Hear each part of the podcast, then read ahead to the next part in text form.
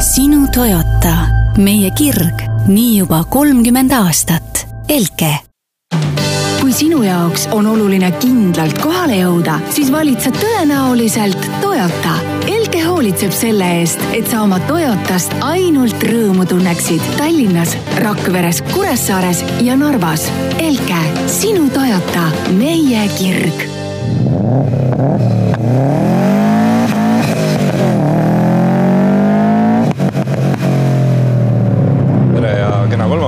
Äh, istmesoojendus on siin, äh, kuigi äh, järgmisest nädalast ilmselt ei saa enam seda kena kolmapäeva asja kasutada, sellepärast et me hakkame nüüdsest olema eetris hoopis teisipäeval. nii et järgmisel nädalal tervitan teid juba selliste sõnadega. oleme Veliga siin stuudios ja nagu ikka, hakkame rääkima autoteemadel. mis siis ikka, lähme siin kohe suure teema juurde. see puudutab siis Dieselgate'i, Dieselgate'i skandaali on ju ehk siis äh, Volkswageni diislite emissiooniskandaal ja, ja selle valguses nüüd äh, tükk maad hiljem äh, on Euroopa Komisjon otsustanud, et nemad hakkavad endale looma sellist õigust kutsuda autosid tagasi sisuliselt kõikides Euroopa Liidu liikmesriikides. et kui varasemalt pidi seda tegema siis kohalik võim, iga kohalik võim eraldi igas riigis, siis nüüd ongi see, et Euroopa Komisjon ise otsustab, et millisel autol oleks õigus vaja ära võtta üldse Äh, liikluses osalemas siis ja ja lisaks sellele võeti endale ka õigus määrata selle eest väga krõbedaid trahve. et. Äh, auto hinna väärilist.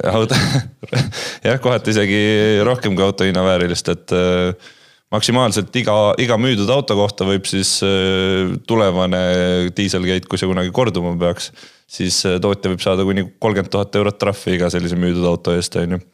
Äh, veel huvitavam minu arust on isegi see, et äh, Euroopa Komisjon on lisaks sellele, et nad lihtsalt võtavad endale sellise juriidilise õiguse teha otsuseid, mis on täiesti tavaline. siis nad tegelikult loovad endale ka sellised tehnilised võimalused, ehk siis seitsme miljoni euro eest rajatakse kaks testimislaborit, eh, kus hakataksegi kontrollima seda, et need autode emissioonid ja kõik ikkagi vastaks sellele, mis on välja lubatud. ehk siis eh, lisaks sellele, et, et lihtsalt eh, saadakse trahvi ja tagasikutsumise õigus, hakkab siis Euroopa Komisjon ka ise üle vaatama, et mis meil siis ikkagi tänavatel sõidab Veli, on sul ka mingeid mõtteid selle suundumuse kohta? ma olen jah kuidagi kahe vahel selle koha pealt, et ähm, iseenesest on ju muidugi tore, noh nagu on ka inimeste puhul, et kaks pead on ikka kaks pead, on ju, et siis noh, testige ja kontrollige, et kas, et kõik oleks vastavuses. aga jah, vaatame, mis on need esimesed suuremad skandaalid, mis sellega nagu nüüd järgnevad, et see on jah, Volkswagen oli paraku esimene, kes niimoodi nii-öelda pikki näppe sai päris valusalt siin kolmekümne miljardi euroga, kui ma ei eksi. et et äh, nemad olid lihtsalt need, kes vahele jäid, et kindlasti on ka teisi, kes on manipuleerinud oma erinevate emissiooniseadmete ja siin äh, mootori juhtaju seadetega, et seal emissioon alla saada, on ju et noh, sama nagu on nüüdseks juba üldteada tuntud, et äh, telefonitootjad samamoodi kirjutavad oma telefonidele sisse väikseid tarkvarajupikesi, mis ajapikku telefoni lihtsalt aeglasemaks muudavad, et olekski põhjust osta uus, on ju. Mhm.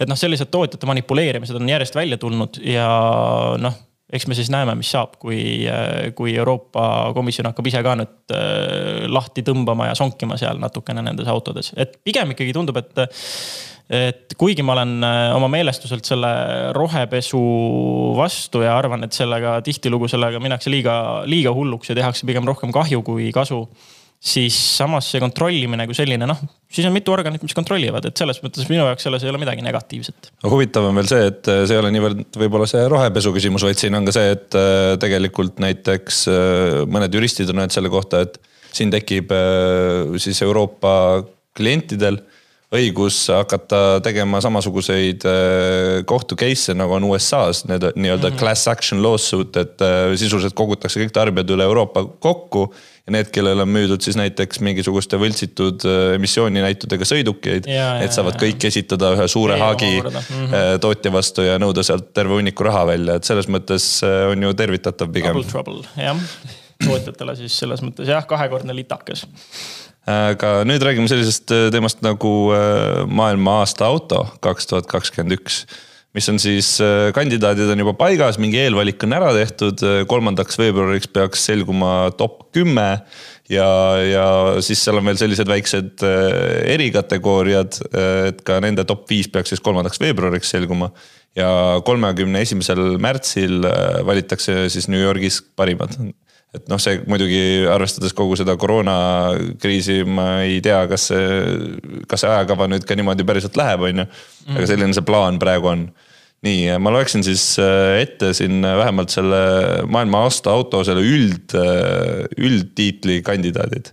Äh, need on siis Audi A3, BMW teise seeria Grand Coupe, BMW neljas seeria Citroen C4, Ford Kuga, Genesis G kaheksakümmend Honda Jazz, Honda E, äh, Hyundai Elantra, Hyundai i10, Hyundai i20, Kiia Optima, Kiia Sonet, Kiia Sorento, äh, Mazda MX30, äh, Mercedes-Benz GLA, Nissan X-Trail, Seat Leon, Škoda Octavia, Toyota Highlander, Toyota Sienna, Toyota Venza või Harrier, Toyota Yaris, Yaris Cross ja Volkswagen ID4 et siis võiks korra vaadata ka üle selle nimistu, mis on World Performance Aa, see ikkagi tekitas sinus jah selle ängistuse. see natukene tekitas jah, et siia listi on sattunud säärased autod nagu Audi RS Q3, Audi RS Q8 siis on BMW Alpina XB7, BMW M2 CS, mis on siis sellest competition'ist veel vängem mudel. Äh, BMW X5M ja X6M siis on Hyundai Veloster N, Mercedes AMG GLS kuuskümmend kolm, Mini John Cooper Works GP, Porsche seitse üks kaheksa GTS neljaliitrise mootoriga, Porsche üheksa üks üks turbo ja Toyota GR Yaris. aga nüüd äh, lihtsalt kuidas on performance autode, kuidas on sportautode po? pooled on maasturid enam-vähem. kuidas, kuidas see nagu, kuidas sihuke asi on, on saanud juhtuda, et äh, see on see on natukene kurvaks tegev ikkagi, et see linnamaasturite võidujooks ja sihuke noh, kui ma jätan. et see jant on jõudnud ka sinna, mis sulle kõige rohkem meeldib ja see on see, mis sulle, mis sul südame täis teeb veidi küll, sest et ähm, noh, nagu me siin äh, rääkisime ja lõpuks sai valmis meie arvustusvideo ju äh, Alfa Romeo Stelvio Quadrifoliost mm. -hmm. ja järeldus selle video kokkuvõtteks oli see, et see on vaata et ainuke sihuke kiire linnamaastur mis ei ole kompromisside kompott, et see on nagu, et muidu on linna, kiire linnamaastur sihuke masin, mis täidab hästi vastandlikke ülesandeid. Ja, ja Alfa kuidagiviisi sai sellega niimoodi hakkama, et ta tegi isikupärase, ägeda ja kiire ja mõnusa auto. Ähm,. nüüd, kui vaadata siin näiteks on ju RSQ8 näiteks, see on põhimõtteliselt äh, põhi ja mootorite valik ja veoskeemid, kõige see, noh, see on jagatud äh, Lamborghini Urusega ja, ja mina hindan igatahes äh, Stelvio Quadrifoliot kõrgemalt kui Lamborghini Urust, et äh, millega ma sain kunagi siin vist aasta kaks, kaks aastat tagasi sõita. et jällegi, see peaks olema nagu sihuke kiirete linnamaasturite epitoom, see nagu kõige kõigem. ja ei olnud temas midagi erutavat ja, ja noh, et, et kuidas, kuidas see asi nagu niimoodi nii kaugele on läinud, et minule siit listist jääb kõige enam silma M2 CS. aga ma kahtlustan, et et, et kui. mõni Porsche võtab ära seda äh,? isegi pigem mitte seda. eelmine aasta vist võitis selle kategooria Taycan. tuleb kuidagi tuttav ette, aga minu isiklik pakkumine oleks, et äh, Veloster N võtab mm. ära, sest et äh, Hyundai on siin pihta saanud, kuidas teha kiireid esiveolisi äh, kuumpärasid. aga samas, samas GR Yaris ja tõsi, sellega ei ole me veel sõita et, saanud. Äh, ma olen, ma olen märganud, et fanaatikud on sellest juba nagu väga, väga sillas, et äh, kui sul on ikkagi nelikveoline on mm -hmm. ju kahesaja kilovati ligi äh, selline mõnus hot hatch. kaalub alla tuhande kolmesaja kilogrammi on ju. et sellega võiks nagu pulli saada ju.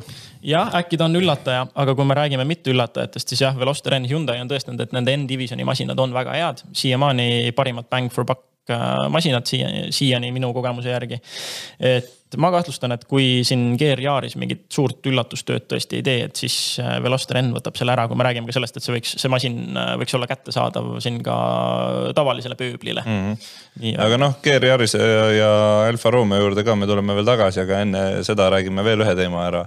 Äh, sõidueksamid lühenevad et äh, alustuseks siis rõhutame seda, et äh, tegelikult muudetakse seda nii-öelda maksimaalset aega või tähendab minimaalset aega. et äh, maksimaalne aeg võib ikkagi jääda suuremaks, ehk siis nüüd äh, A, B ja B kategooriate eksamid lühenevad neljakümne viie minuti pealt kolmekümne viie peale. AM ja piiratud juhtimisõigus siis kolmekümne viie minuti pealt kahekümne viie peale. ja, ja tegelikult see võtmeküsimus või see võtmesõna siin on see, et see otsustusõigus jääb eksamineerijale. et kui siin koroonakriisi ajal tehti neid sõidueksameid, siis vaadati, et ohoo toona, toona olidki kolmekümne viie minutised eksamid, vaadati, et mm -hmm. ohoh, et äh, need numbrid tegelikult, kui palju inimesed läbi kukuvad, kust nad läbi kukuvad, kuidas nad läbi kukuvad. Need on tegelikult enam-vähem samad, mis nad oleks neljakümne viie minuti puhul, on ju. ja siis mõeldigi, et aga miks me siis üldse pullime, et me võime ju nad kõik lühemaks äh, teha ja tegelikkus on see, et äh, mahutame ühte päeva rohkem eksameid, rohkem inimesi saab eksamit tõenäoliselt ka tehtud pikas ajas, on ju. et, et selles mõttes ma ütleks, et täiesti tervitatav uus selline lahendus mis sa, mis, mis sinu arvamus sellest on? Äh, noh, esialgu kui ma vaatasin, kus uudis üles läks, siis inimeste reaktsioonid olid ikka justkui sellised nagu, äh, nagu neid oleks isiklikult rünnatud, et et nüüd on, mis mõttes on lühemad sõidueksamid, et äh, meie liikluskultuur on niigi paigast ära ja nüüd hakkame siis lihtsamalt lube kätte andma või? et jah, tegelikult päris nii mustvalge see õnneks ei ole. tõsi, liikluskultuur ja kultuuritus on meil mureks minu arvates jätkuvalt, aga, aga jah, see, et just, et see on ikkagi otsustusõigusega asi, et seda ei, see ei ole nüüd kohustus, et nüüd peab, peab saama kolmekümne viie minutiga tehtud. et äh, selles mõttes jällegi äh, sul see eksamineerija seal kõrval tema on ikkagi see, kes peab ju hindama, et kas sa oskad sõita või mitte, kui sa teed äh, neljakümne viie minuti sees vea, siis jah, suure tõenäosusega teed selle, teed sa selle vea tegelikult varem juba ka selle kolmekümne viie minuti sees ära. pluss, pluss äh, kui eksamineerija näeb, et sa sõidad ebakindlalt või et sul mm -hmm. nagu on mingisugused veidrad äh, asjad, mida sa teed, siis ongi mm -hmm. see, et tehakse ikka neljakümne minutiline eksam ja tegelikult ei olegi midagi, et, et noh mul endal oli selline eksam täpselt, ma tean, et on piisavalt neid inimesi, kellel on ka olnud selline eksam, et, et sõidadki tegelikult kolmkümmend viis minutit ära, eksamineerija näeb mm. ka ära, et okei okay,, siin ei ole nagu rohkem midagi teha, et mida me istume seal autos tegelikult kümme minutit yeah. veel. ja ongi see, et tegelikult selle ajaga päeva peale saaksid ju mitu inimest lisaks veel eksami ära teha mm et äh, selles mõttes noh, siia kõrvale veel see taust võib-olla, et Eestis siiani on üks kõige pikemaid eksamiaegasid üldse Euroopas. ja tegelikult see on, äh, see on ka mõistlik tõesti, et kui me tahame, et liiklusesse jõuaks ikkagi juhid, kes äh, enam-vähem ka saavad aru, mis nad teevad. et mul lihtsalt kunagi, kui ma õppisin siin rahvusvahelises magistrat-, magistrantuuris, siis mul oli paar kolleegi ka Indiast ja tema rääkis, kuidas tema sai juhiloa Indias, et oligi nii, et istus autosse, pidi näitama, et oskab auto niimoodi käima panna, et see kohalt ei äh, hüppa. siis oli mingisugune tagumine tee, mida pidi, äh, pidi ta sõitma edasi ja tagasi, tegema mingi tagasipöörde kusagil ja auto seisma jätma ja välja suretama ja see oli tema sõidueksam. ehk siis viis minutit umbes? midagi säärast, viis kuni kümme ja, et, äh, et pidi lihtsalt näitama, et ta suudab autoga jah, põhimõtteliselt kohalt minna, liikuda stabiilselt ja uuesti seisma jääda ja teab, kuidas asi käib käima ja kuidas asi käib seisma et selle valguses ähm, jah, ei ole mul midagi selle vastu, et meil on siiani nagu sihuke pikk aeg eksami tarvis. no aga võrdluseks Lätis, Leedus, Rootsis kakskümmend viis minutit mm, -hmm. Soomes kolmkümmend minutit ja sa ei ütleks ju, et nendes riikides liikluskultuuriga midagi nagu äh, hullult palju halvemini oleks. eks seal on, eks seal on juba seal autokooli tasandil see muutus kindlasti sees ja noh, üleüldiselt ju, kui me sõidame Soomes, Rootsis, siis äh, see liiklus on kuidagi palju rahulikum ja ei, ei teagi, millest see tuleneb, kas see ongi nagu juba rohujuure tasandil see, et kasvatus pluss siis autokoolid ise või, või milles see asi on. aga ma tuleks tagasi selle juurde, et sinna päeva peale mahuks rohkem eksameid ära siis see, ma kahtlustan, et see jääb ikkagi nii, et igalühel on oma kindel slot, mis nad on ära broneerinud, seal peab ju olema võimalus, et äh, sa kolmekümne viie minuti asemel ikkagi teed selle nelikümmend viis minutit äkki täis. tuleb elav järjekord ja see oleks võib-olla ainuke variant, kuidas see toimiks, sellepärast et muidu ma kahtlusin ikkagi, kuna see potentsiaal peab olemas olema, siis on pigem see, et äh, see eksamineerija saab lihtsalt, äh, kui ta näeb, et inimene ta kõrval oskab sõita, et siis ta saab omal pausi kümme minutit mm. pikemaks, et samamoodi nagu kui keegi kukub selle eksami esimese viie minutiga läbi. ega nad ei võta seal ju kedagi mm. vahele. tõsi äh, aga lähme nüüd selle nädala proovisõidu juurde.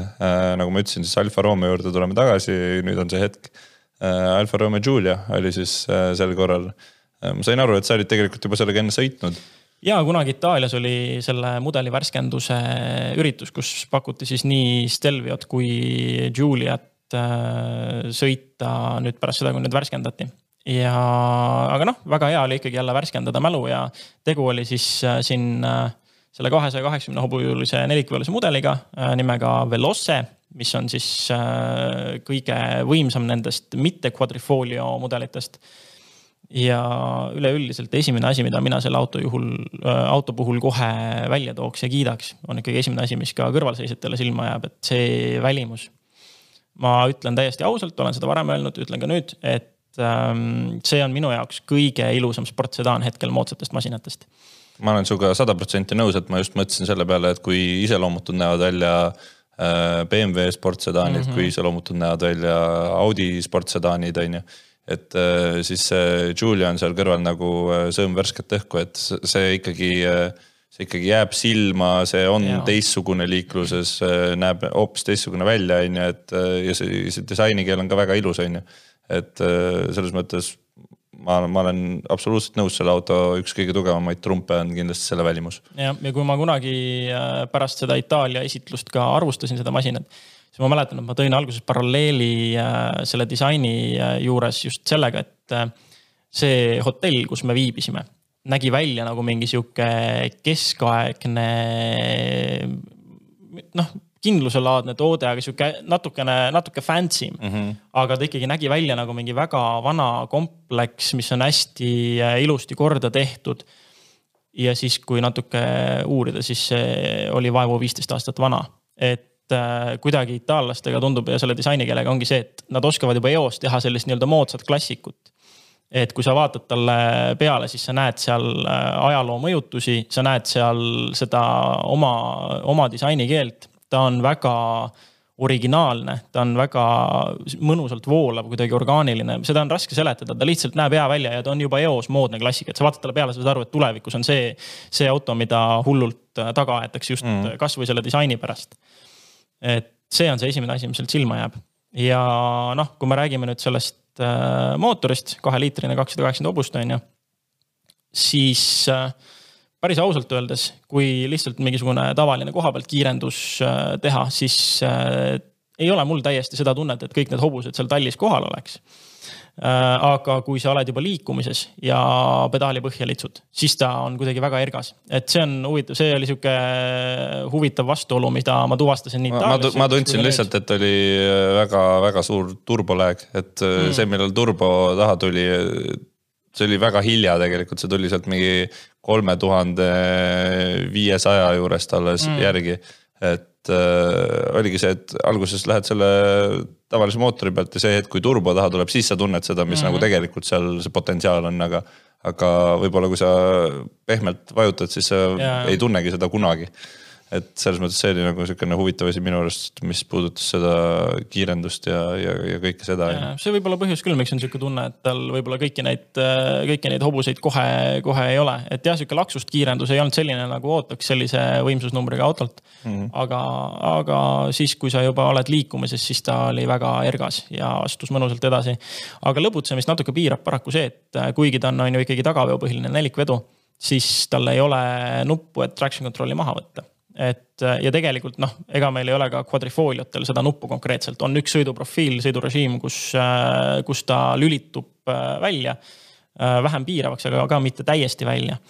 et äh, noh, aga jällegi, ega see ei ole ka siin Julia fookus, on ju, et kuigi tõsi, meie oludes ikkagi noh ei ole raske tegelikult seda nuppu juurde panna, peaaegu igal masinal on see olemas, isegi mingil tavalisel Econoboxil mingil esiveolisel jurakal, et kui sa tahad, et siis sa saad selle välja lülitada, kui talvel on libe ja leiad mõne üksildase parkla, et siis sa saad proovida ja lustida või kasvõi proovida seda, et kuidas, kuidas ta nüüd talvistes oludes pidurdab, on ju, noh ja nii edasi, et. et selle masinaga võiks ka, võiks ka tegelikult olla see, et see nupp võiks seal olla, et soovi korral on ikkagi võimalus natuke ka lõbutseda, et see ei ole keeruline teha, umbes sama nagu oli Quadrifoglio juures see, see kriitika, et et see amortide jäikuse pehmemaks, amortide pehmemaks tegemise nupp tegelikult ei, ei tekita mm -hmm. nagu mingit suurt vahet, et. oleks selle peale natuke rohkem keskendutud, oleks autole lisatud jälle üks praktilisust lisav, lisav faktor juurde.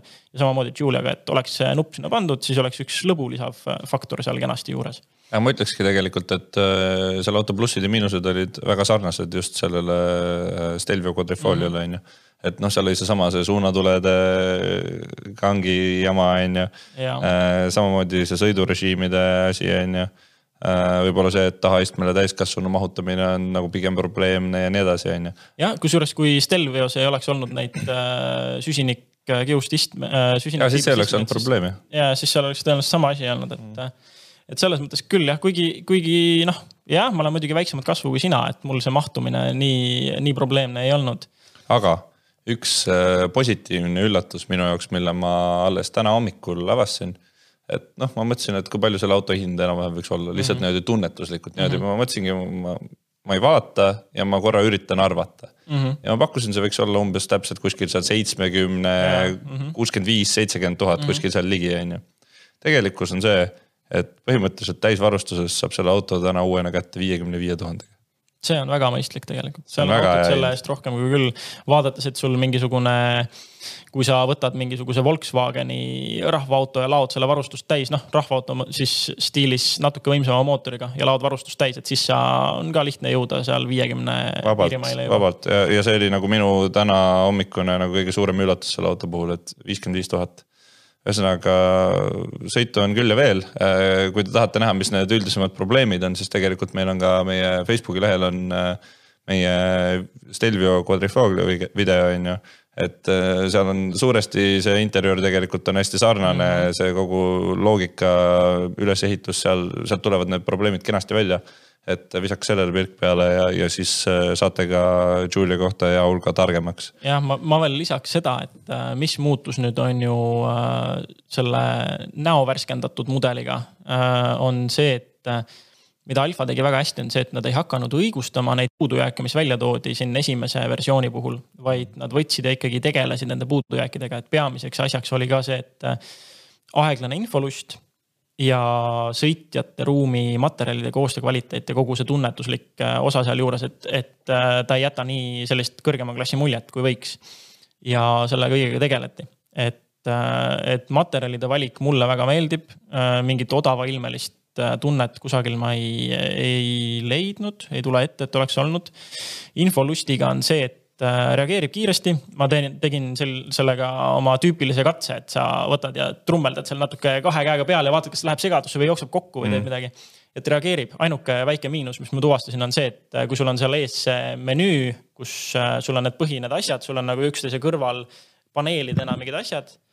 ja sa siis libistad nende vahel vasakule ja paremale ja seal paraku ei ole seda, seda asja, et noh, ühesõnaga sa jõuad nagu menüü lõppu ja sul tuleb sein ette ja, ja sa ei saa nagu üle minna mm -hmm. uuesti menüü algusesse, vaid sa pead tagasi klõpsima ennast.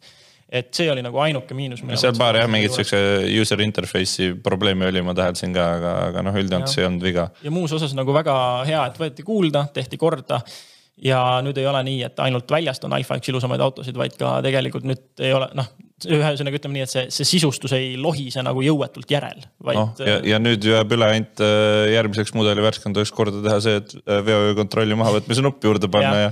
jah, ja muidu jah, füüsilisi muudatusi siin äh, ütleme selles, kuidas see auto sõidab, ei tehtudki, et ainuke asi, mis ma inseneridelt välja pigistasin oma Itaalia reisil, oli see, et et muudeti natukene esisilla veermiku geomeetriat, et äh, kuna klientidel oli mure sellega, et kui rattad välja keerata ja kurvis olla mingi koormuse all, nii et mass tuleb peale, et siis mm -hmm. kusagilt mingi nurga all midagi kergelt käis vastu koopas.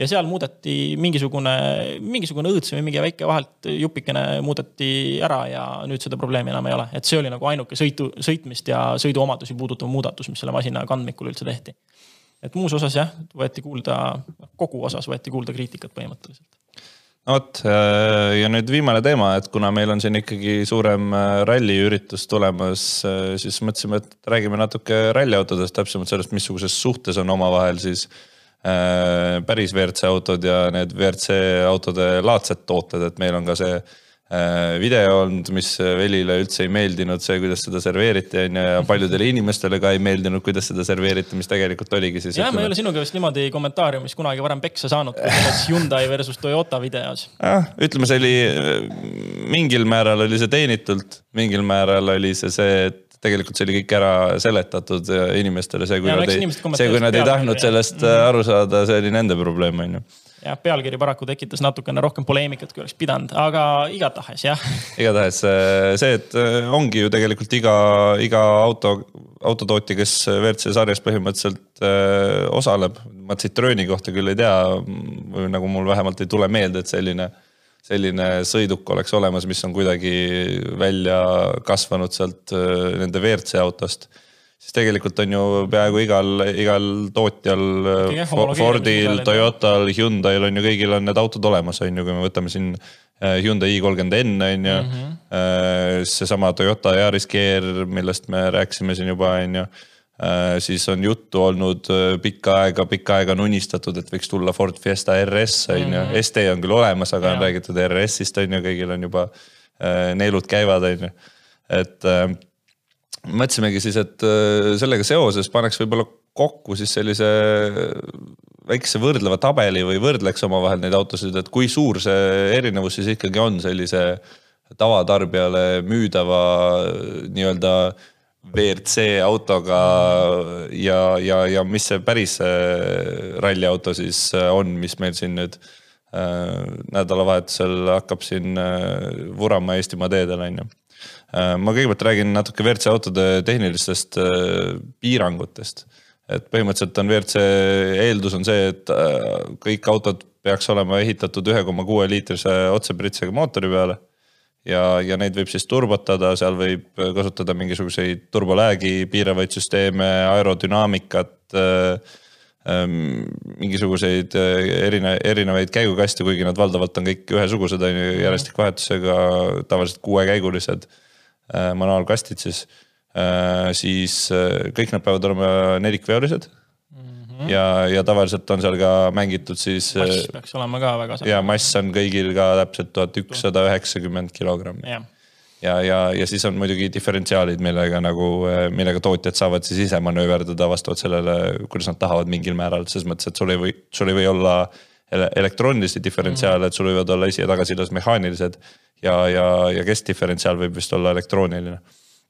et äh, ja, ja maksimaalne võimsus on ka paika pandud, on ju, kakssada kaheksakümmend kilovatti äh, et äh, selles mõttes, kui me vaatame nüüd noh, sisuliselt kõikidel nendel autodel, mis WRC-s osalevad, need numbrid on täpselt sarnased mm. -hmm. kõik need numbrid, kaalunumbrid, võimsuse numbrid, vedrustused, seal need nüansid on ainult need, mis mängivad ja loomulikult sõitjad, on ju aga kui me vaatame nüüd neid autosid, mida tavatarbijale pakutakse, on ju.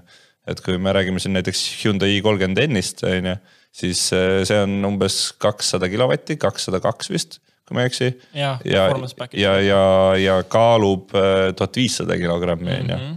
no siin on üldse, kui me võtame ajaloo ette, siis äh, esialgsed homologeerimismudelid olid oma numbritelt ja näitajatelt ikkagi palju lähemal nendele, mis sõitsid ka WRC-d et ajapikku on see, et mingitel hetkedel enam ei nõutud seda täielikku mingit homologeerimist, ei pidanud enam nii sarnased masinad olema mm. -hmm noh, kui me võtame ette siin aasta üheksakümmend vist kuus või seitse või midagi säärast, kui, äh, kui meil olidki, on ju, Evod ja STI-d, mis ähm, samamoodi kaheliitrised turbotatud mootorid, äh, nelikveolised, mass oli mõlemal enam-vähem sarnane.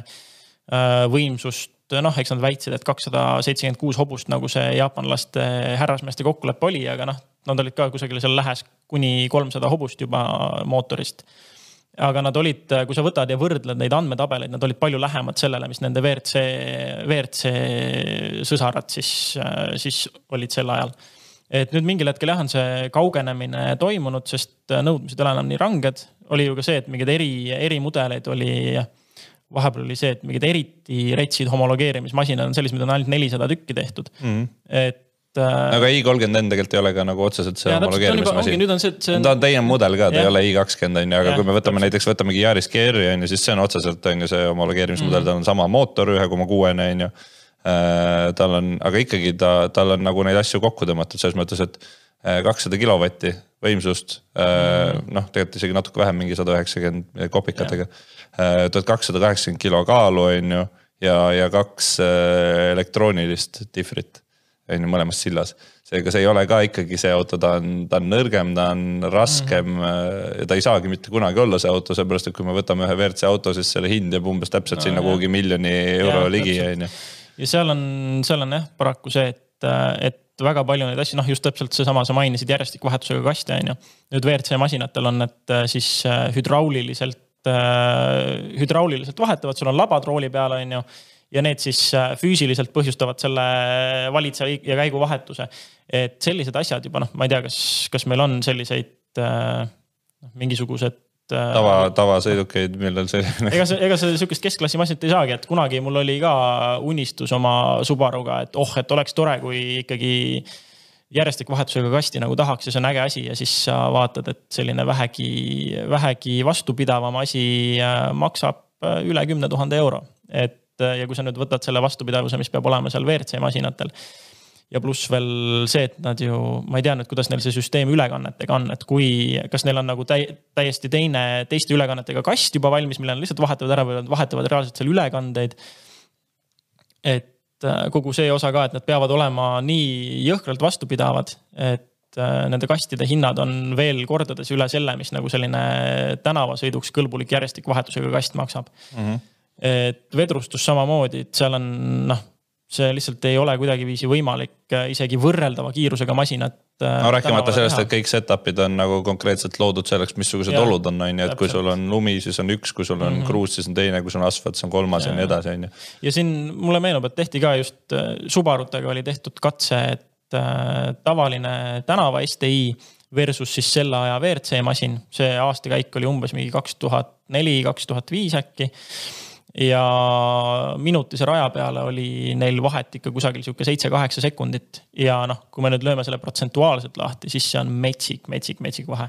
et seal ei ole mitte midagi võrreldavat tõesti, et sul on, sa, see on sihuke asi, et võib-olla omanik saab natuke jah nagu kõvatada, et jaa, WRC sugemetega ja sellest välja kasvanud ja on nelik ja kõik, aga noh, ega ta nagu selles mõttes see on ikka täiesti, täiesti teine maailm ja nüüd veel on asjad nii kaugele läinud tõesti, et sul võibki olla WRC masin, mis on nelik ja siis see nii-öelda seotud mudel on üldse mingi esiveoline Econobox mm. põhimõtteliselt jah, ühesõnaga loo moraal oli see, et äh, ärge laske ennast petta sellest äh, PR-jutust no,. keegi ei lasegi. no ma ei tea, mõni inimene ikka on, kes on, kes on seda mõelnud ka ja võib-olla kui, kui keegi nii-öelda seda eelmine, eelmisel korral äh, meile ka nii-öelda äh, ja kuidas oli siis südamele pani, et, et me ikkagi teeks omale selgeks, missugused need autod on, siis loodetavasti said ka kõik teised nüüd selgeks, et et seal on ikkagi suured äh, käärid on nende autode vahel ja, ja lihtsalt niisama mingisuguste tänavasõidukitega seda rallit ei sõideta. ja, ja kui, äh, kui tahate endale päris nagu WRC kredibiilsusega noh, nii kõrge WRC kredibiilsusega tänavamasinat kui üldse võimalik, siis vaadake üheksakümnendatesse ja